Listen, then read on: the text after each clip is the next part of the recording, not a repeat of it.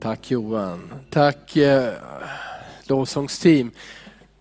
Vilken härlig, vilken viktig text i sången. Att få uttrycka vår längtan mer av honom men också veta vi behöver dig, eller hur? Vi missar det ibland när livet är ljust och enkelt och bra, eller hur? Så att titeln på min predikan idag blir Närmare Gud i tuffa tider. Närmare Gud i tuffa tider. Stå närmare Gud, närmare varandra, närmare våra medmänniskor. Och vi tänker att Gud är det centrala. Genom Jesus Kristus har, får vi komma nära Gud och han har kommit nära oss. Varandra, det är församlingen. Och vi, eh, och speciellt när det finns utmaningar och tuffa tider, så är det viktigt att rycka närmare varandra. Ibland får vi rådet om att ta lite tid och var för dig själv och så vidare. Det är, stillhet och ensamhet har sin plats i våra liv, men det finns en fara i det här. Att säga, jag orkar inte se er för jag, jag har så mycket som jag ska tänka på, eller jag, jag sörjer så mycket nu. Man får respektera men ändå väldigt kärleksfullt knacka på igen. För det, i slutändan är det ingen som vill att vi ska komma längre ifrån varandra, framförallt inte när det krisar. Amen. Närmare Gud, närmare varandra. Jag ska samtala, tala, ja, samtala mer, hoppas jag. Framförallt om, om Gud, men våra medmänniskor, där menar vi ja, vår stad, vår värld, våra medmänniskor på jorden, människor runt omkring oss som kanske ännu inte delar den här tron och har friden och tryggheten som Jesus ger. Men eh, vi behöver inte bygga murar till de där borta, de utanför. Utan det är viktigt att vi lever som Jesus levde, mitt ibland alla människor. Om Jesus får bo i våra hjärtan, då gör han oss stark. Då ger han oss, även om vi är svaga och vi kan vara lite oroliga, klarar jag av det här? Liksom, att leva med en jobbig situation på arbetet där de bara bråkar. Klarar jag av där alla pressar mig att följa med liksom på världens vis? Ja, men om du tar med Jesus och vet om att han är med dig, då är du bra, då lever du bra överallt.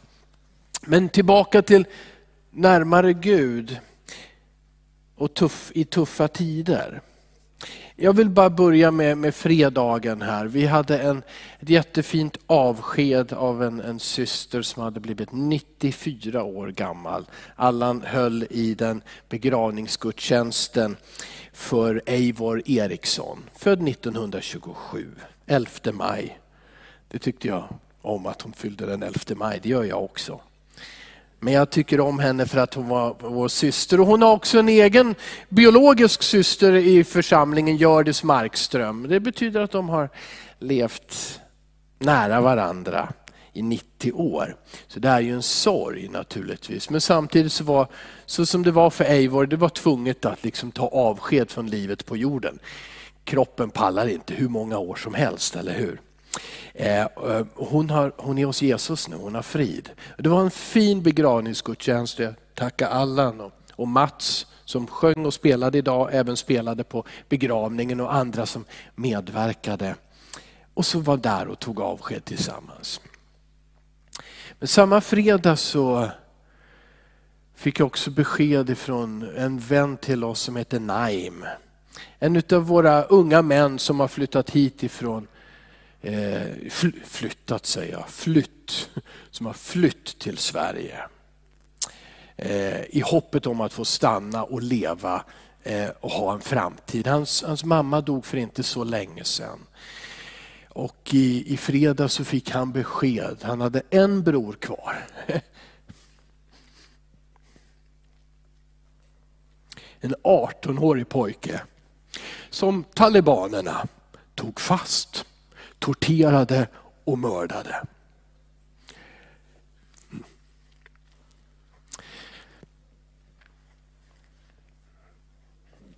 Närmare Gud. Kan vi komma närmare Gud när det krisar? Eller blir det för tungt för oss? Kan vi också komma närmare varandra? Ja, vi kan det. Bibeln visar det om och om igen. Samma dag, och jag vill nämna det eftersom också det är en offentlig person och en missionär i vår församling, Patrik Ölund. Samma dag fick han det överraskande beskedet, samtidigt som han är i Ukraina tillsammans med Lena, han är ju, de är ju nyligen vigda. Eh, nygifta Patrik och Lena i somras. Men där fick han i Ukraina besked att hemma i Piteå så avled hans bror, också i 50-årsåldern. Väldigt, det var, blev väldigt chockerande, väldigt överraskande även om Patriks bror Robert då har haft cancer en, en tid. Vi har bett mycket för Robert också. Men han avled. Patrik och Lena kommer hem från Ukraina på onsdag. Närmare Gud i tuffa tider. Vi behöver närma oss varandra, behöver hjälpa och stötta varandra. Naim, Patrik, Gördis, du och jag. Eh, och det här är det här är någonting som Gud vill ge dig och mig. Sig själv, närheten. Den äkta närheten, den ohycklade närheten, den ärliga närheten. Jag har läst en hel del och talade även i onsdags kväll utifrån en profet i gamla testamentet som hette Habakuk.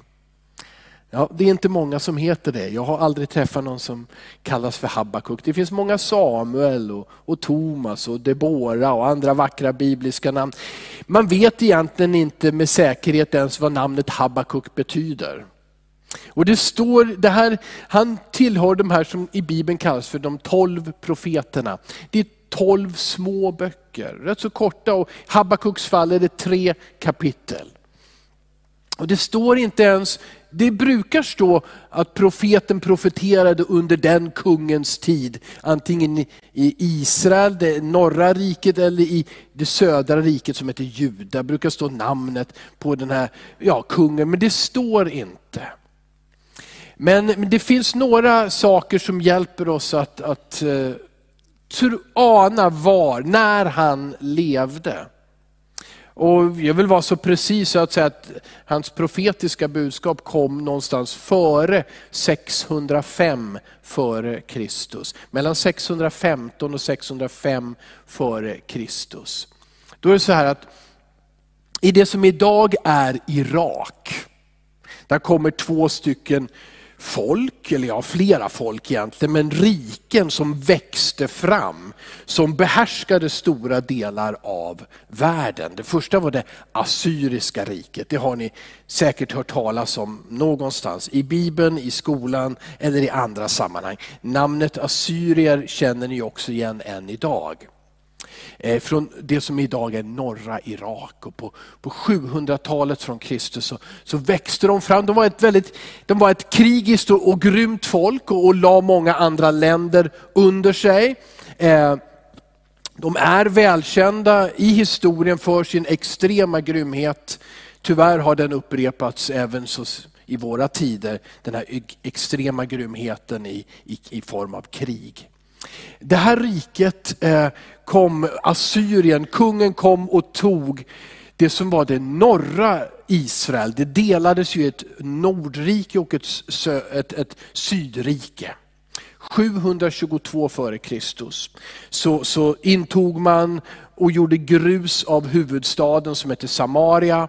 Och så mördade man oerhört mycket folk, förde bort många i fångenskap och så flyttade man in andra folkslag. För det här gjorde man också redan på den tiden. Visst, vi får makt över människor om vi flyttar folk hit och dit och ingen känner sig hemma någonstans. Det var Assyriska riket. Men när vi läser i Habakuk så det finns ingen känsla av att, att det Assyriska riket är där och, och, och behärskar.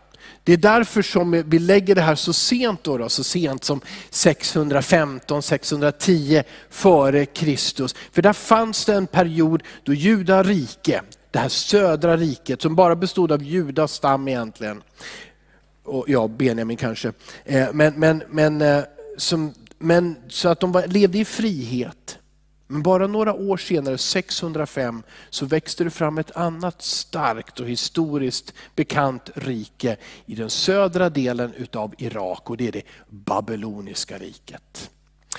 Hos Habakuk så kallas de för kaldéerna, för kaldéerna var en stam, en stad i det babyloniska riket.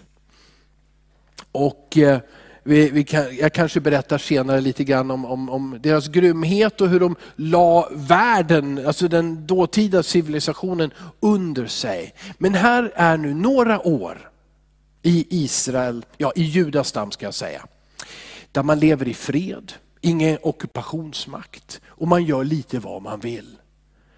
Och de blir som människor ofta blir när det inte finns några speciella faror. Man bryr sig inte så mycket, man gör lite vad man vill. Och vad Habakuk profeterar om, det är hur de är våldsamma mot varandra, hur de, är, hur de inte följer Gud, hur de lämnar Gud, hur de tillber det som de gör med sina egna händer.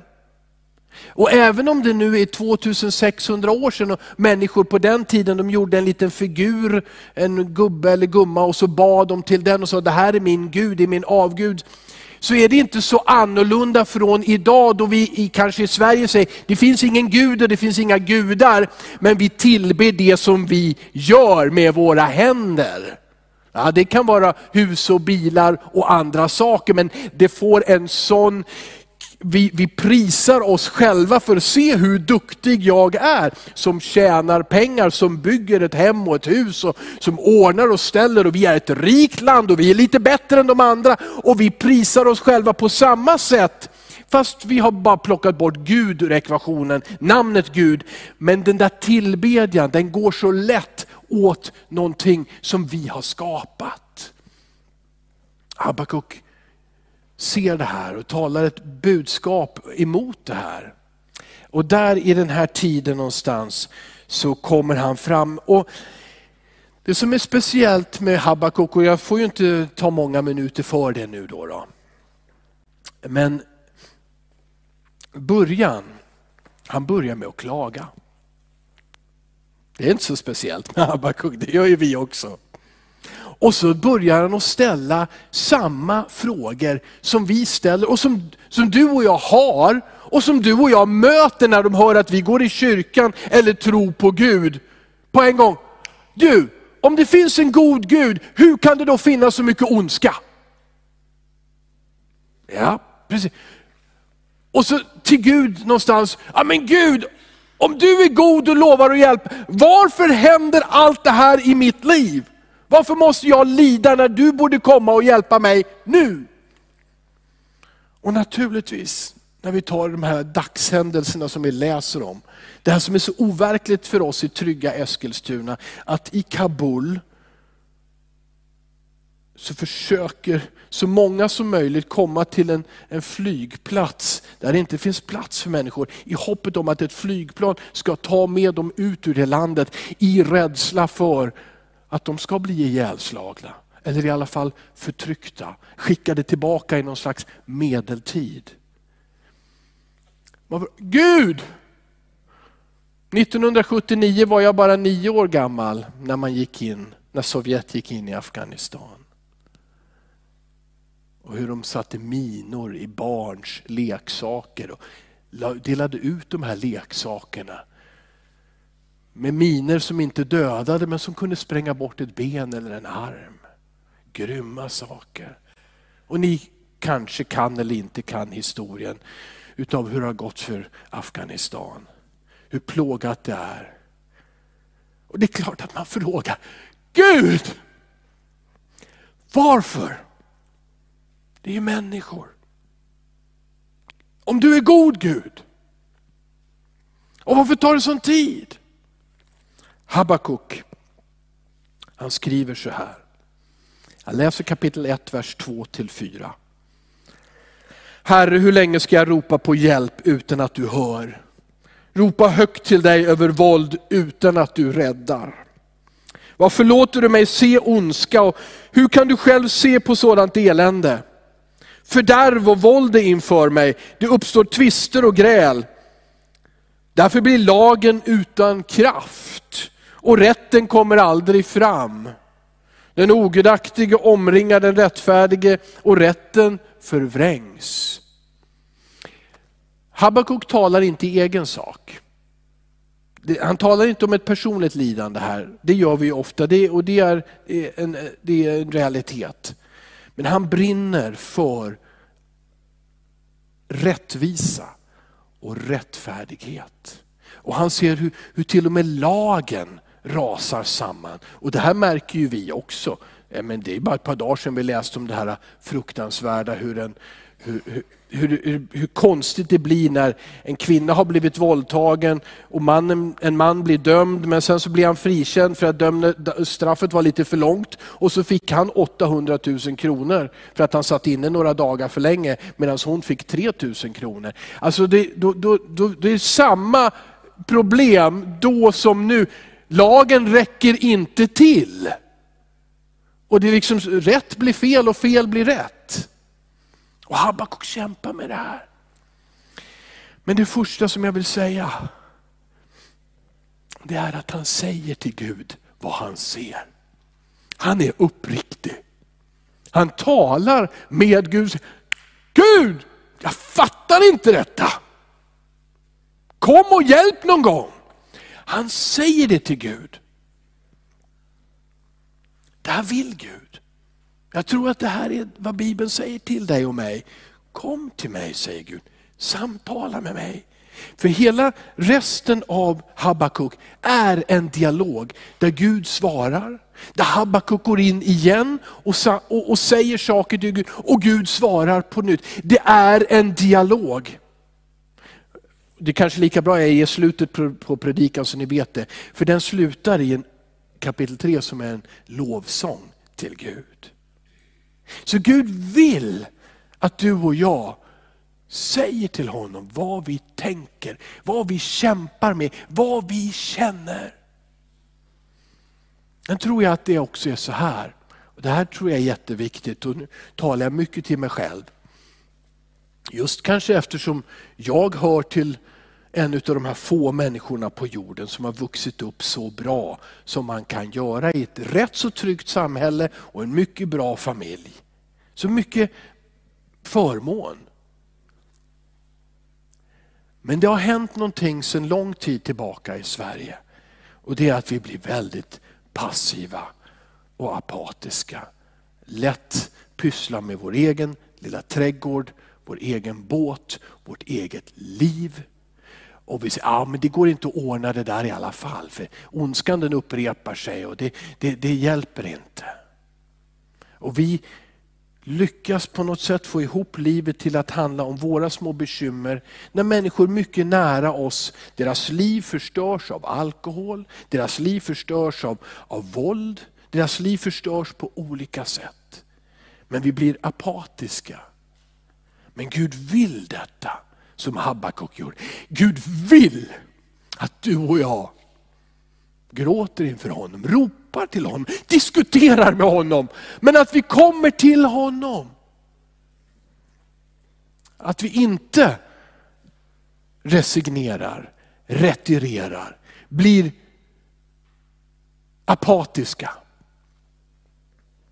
För det är det som och jag sa det även i onsdag som David Wilkerson sa när han kom och predikade i Stockholm i Philadelphia kyrkan för 20, kanske 20 år sedan. Där Gud, där Gud genom honom talar och säger Sveriges folk, jag, har, jag ligger i konflikt med er, jag har ett problem med er för ni har blivit apatiska. Ni är så rika, ni har så mycket, ni har blivit apatiska. Jag vill inte bli sån. Jag talar för mig. Jag vill inte bli sån. Jag vill inte vara så.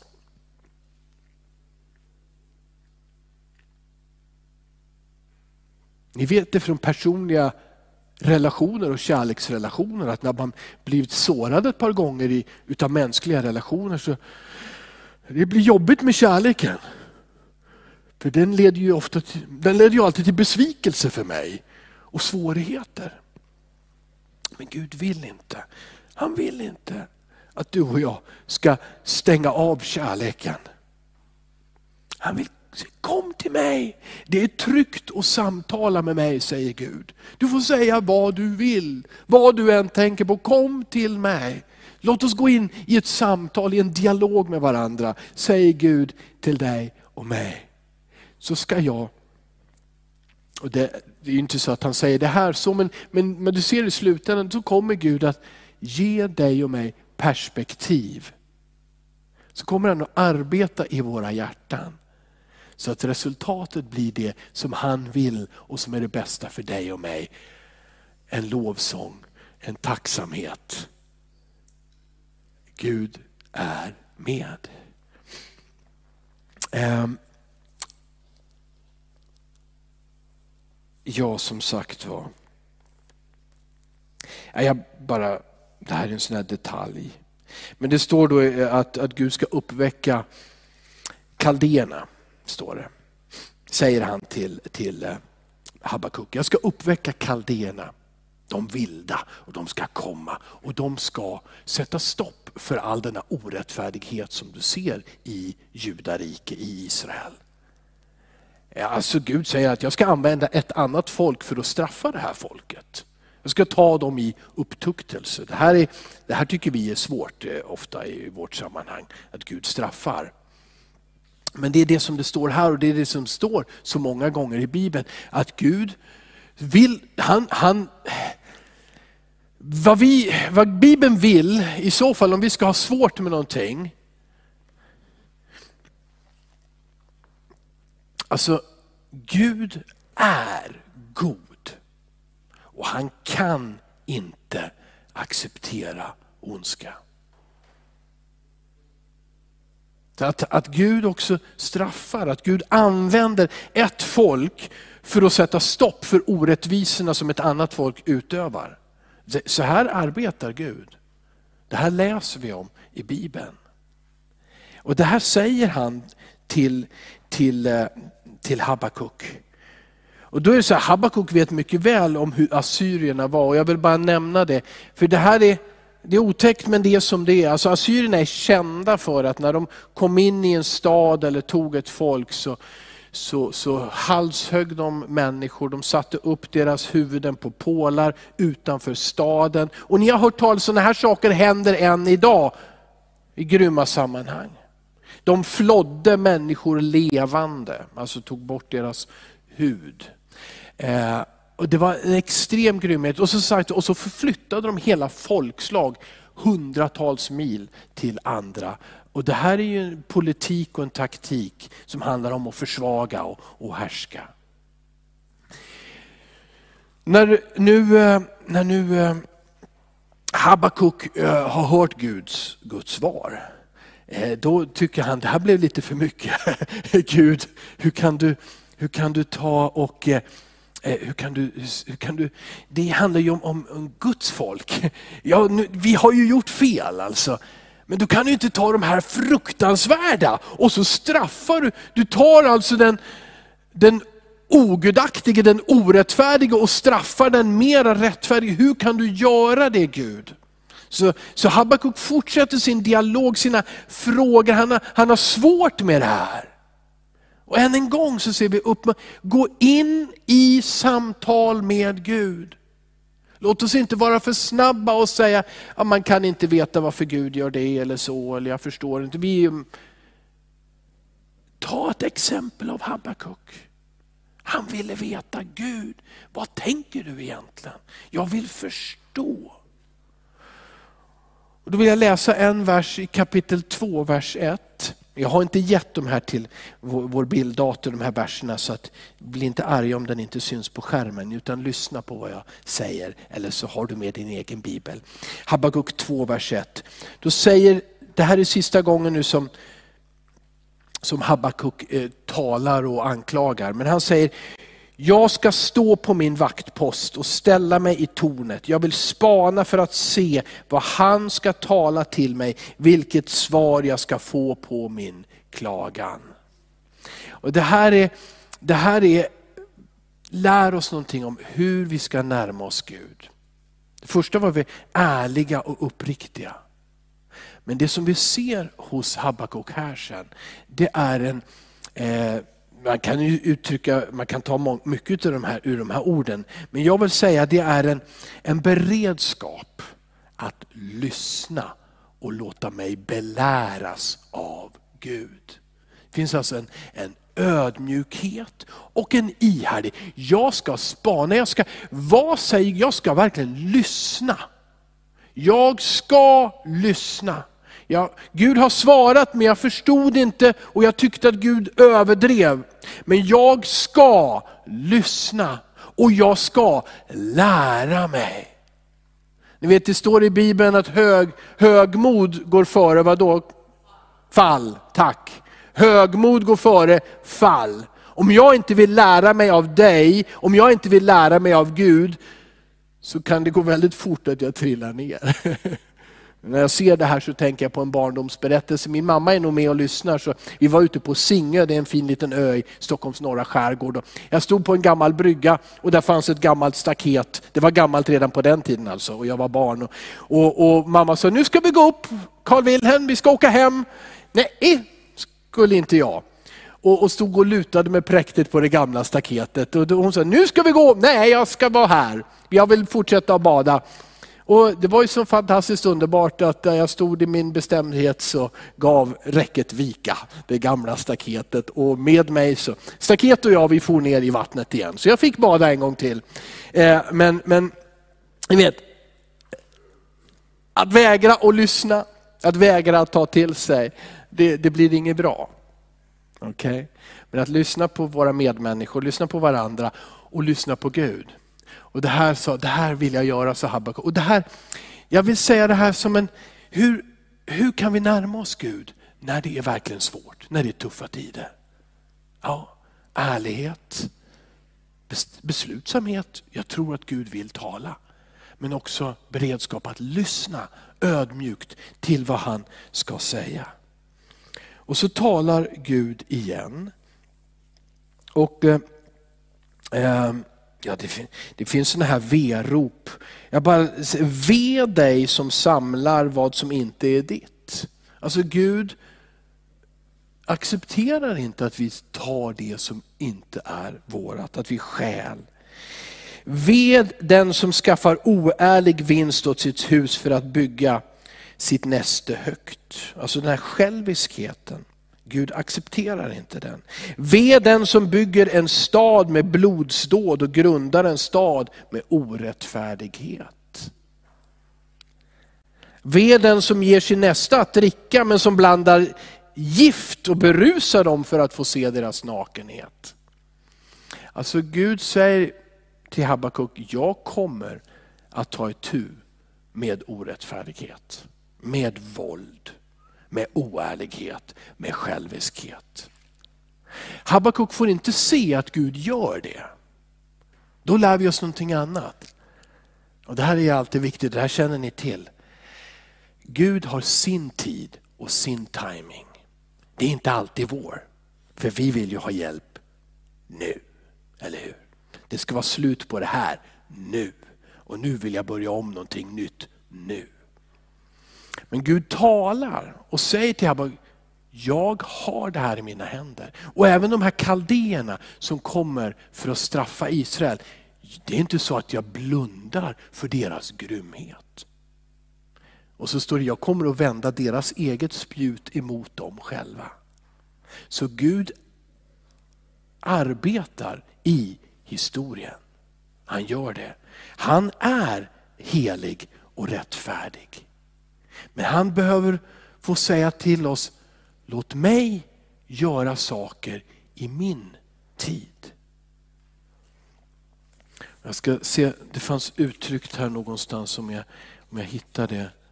För jag tycker att det är viktigt att få säga det. Och det här är en vän som har skrivit det här och inte jag.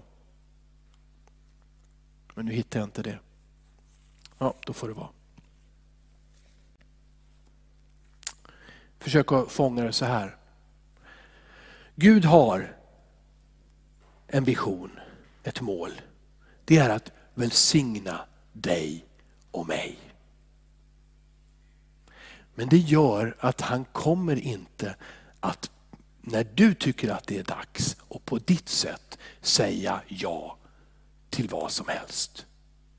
För han har, han har en plan för världen, för världens historia och för dig och mig. Han lyssnade till Habakuk, men han ändrade inte sina planer. Han bara visade Habakuk, så här är jag Habakuk. Jag är god och jag har en plan. Och det finns en underbar vision som Gud har, som står i kapitel 2, vers 14. Kapitel 2, vers 14 i Habakuk. Jorden ska fyllas av kunskap om Herrens härlighet, så som vattnet täcker havets djup. Det här är slutplanen, förstår du? Det, det vi ser och upplever genom århundraden men också just nu, och vi har våra frågor. Men Gud har en plan.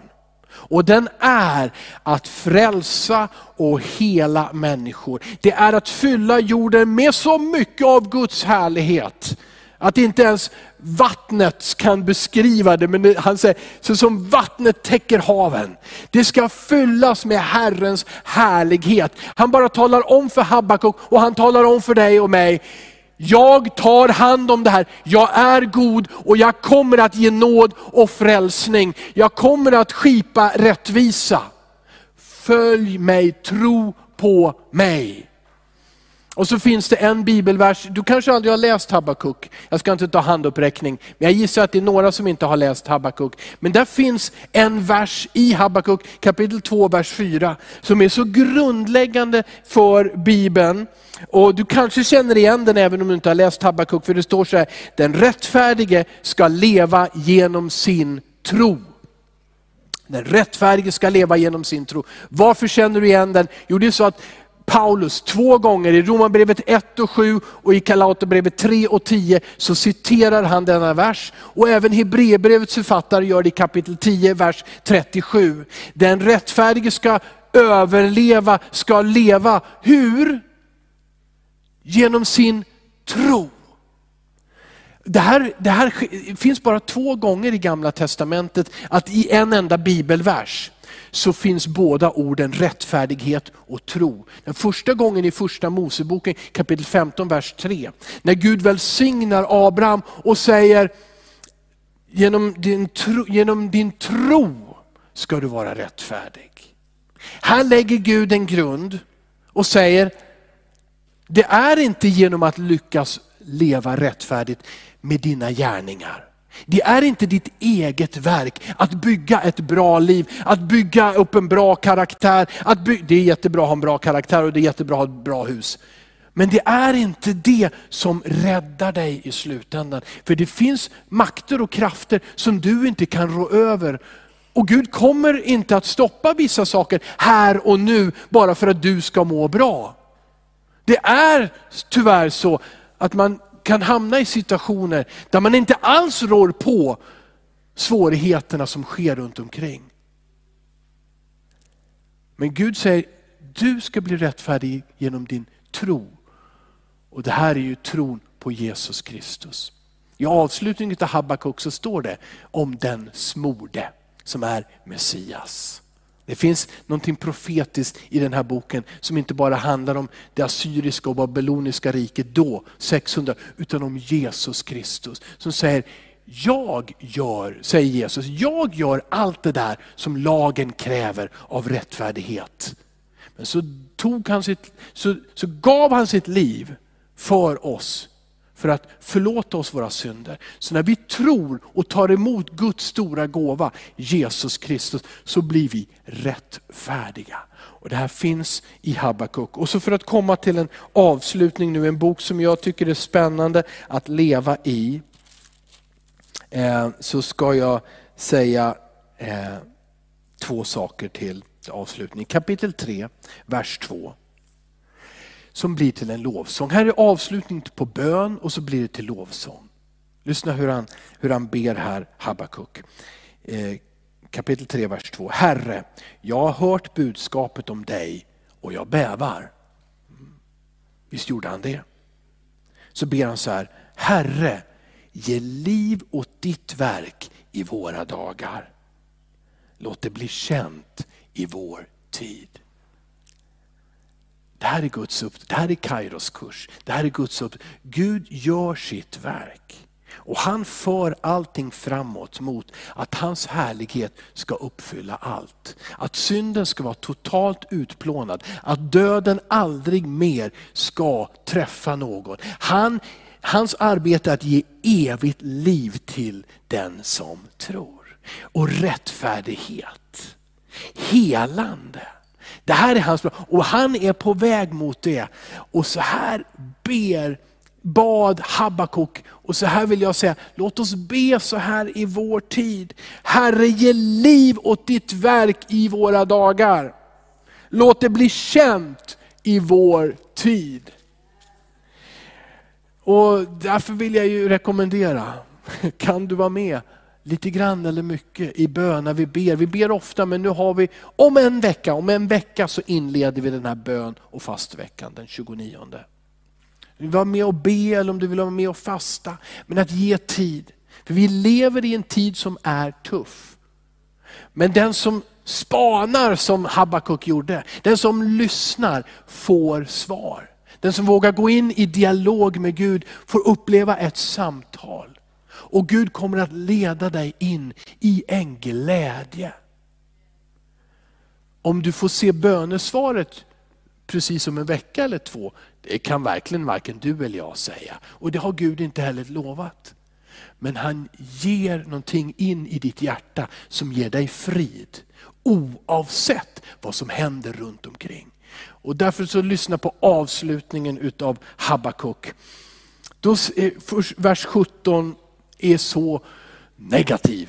Lyssna, neg det, är riktigt, det, det är hemskt. Fikonträdet blomstrar inte mer och vinstocken ger ingen skörd. Fikonträd och vinträd, vinstock, det var symboler på rikedom. Det, det finns om, om, Salomo och andra. Det här var Guds välsignelse. Då finns det fik, och de är goda fikon när man tar dem från träden. Oj, oj, oj. Eh, och, och, och vinstocken, vindruvorna.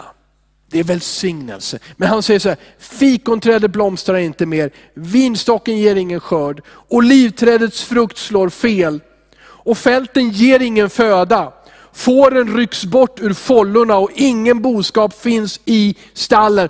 Han beskriver, eh, det är död i landet och ibland kan du och jag också bli rädda för, vad händer så att säga? Kommer vi att ha att äta eller kommer vi att bli fattiga vi också? Vad händer? Men, lyssna, vers 18 så säger, men jag vill jubla i Herren och glädja mig i min frälsnings Gud. Det finns en beslutsamhet, alltså förstår han når fram till en sån djup mognad, där är jag Carl Wilhelm ännu inte. Men där är Habakuk, han säger, här är död, här funkar ingenting. Här saknas Guds välsignelse. Men jag, jag gläder mig i Herren. Jag gläder mig, han är min lovsång och min styrka. Och han avslutar så här, Herren Gud är min styrka. Vers 19. Han gör mina fötter som hjortens och låter mig gå fram över mina höjder. Han är som en hjort som bara löper. Det här är den glädje som Gud ger till den som går in i samtal med honom, även om det ser dystert och mörkt ut. Gud vill ge glädje, han vill öppna dina och mina ögon för hans perspektiv, vad han har planerat. Och det är att välsigna dig och det är att frälsa och hela jorden. Halleluja! Och så står det så här till avslutning, för sångarmästaren med mitt stränga spel. Där är Habakuk färdig stränga spel och sångmästare. Låt oss prisa Herren tillsammans. Amen.